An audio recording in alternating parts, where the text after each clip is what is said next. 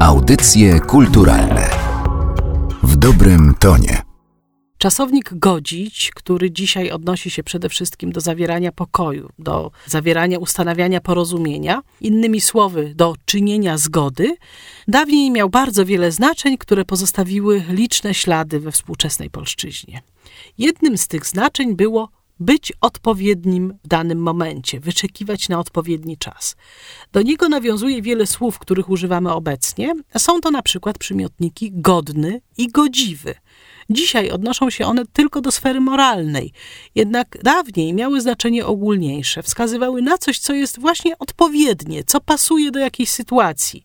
Mówiono na przykład używać godziwych środków, czyli używać odpowiednich środków, albo miejsca godne do trzymania koni. I nie chodziło tutaj o godność no, w sensie moralnym, tylko po prostu miejsca odpowiednie do trzymania koni. Piotr Skarga w jednym ze swych kazań pisał: Gdy lat męża godnych doszła, ojciec chciał, aby za mąż poszła.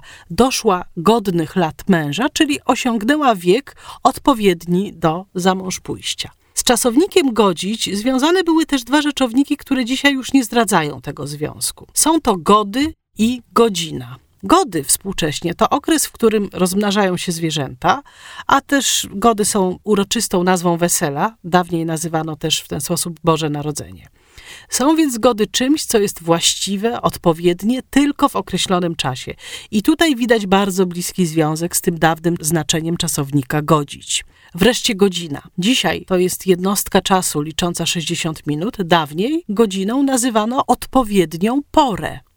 Ślady tego dawnego znaczenia godziny odnajdujemy w takich powiedzeniach jak wybiła czyjaś godzina, czyli przyszła pora na czyjąś śmierć, czyli jakby przyszła odpowiednia pora na czyjąś śmierć, czy przyjść w złą godzinę, wypowiedzieć coś w złą godzinę, czyli przyjść albo wypowiedzieć coś w niewłaściwym czasie.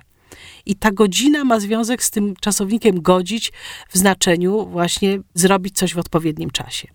Współczesne godzić to nie tylko doprowadzać do porozumienia, czy inaczej czynić zgodę, lecz także celować w kogoś. Mówimy na przykład, że ktoś godzi w kogoś z pistoletu, czyli celować, czyli mierzyć w kogoś. Wbrew pozorom i to znaczenie ma bardzo bliski związek z tym dawnym, czyli z tym być odpowiednim, stosownym w danym czasie.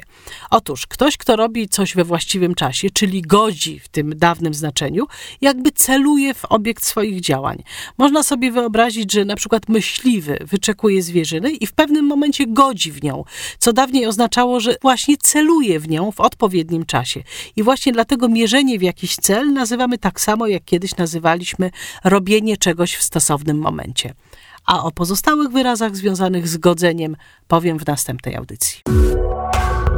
Audycje kulturalne w dobrym tonie.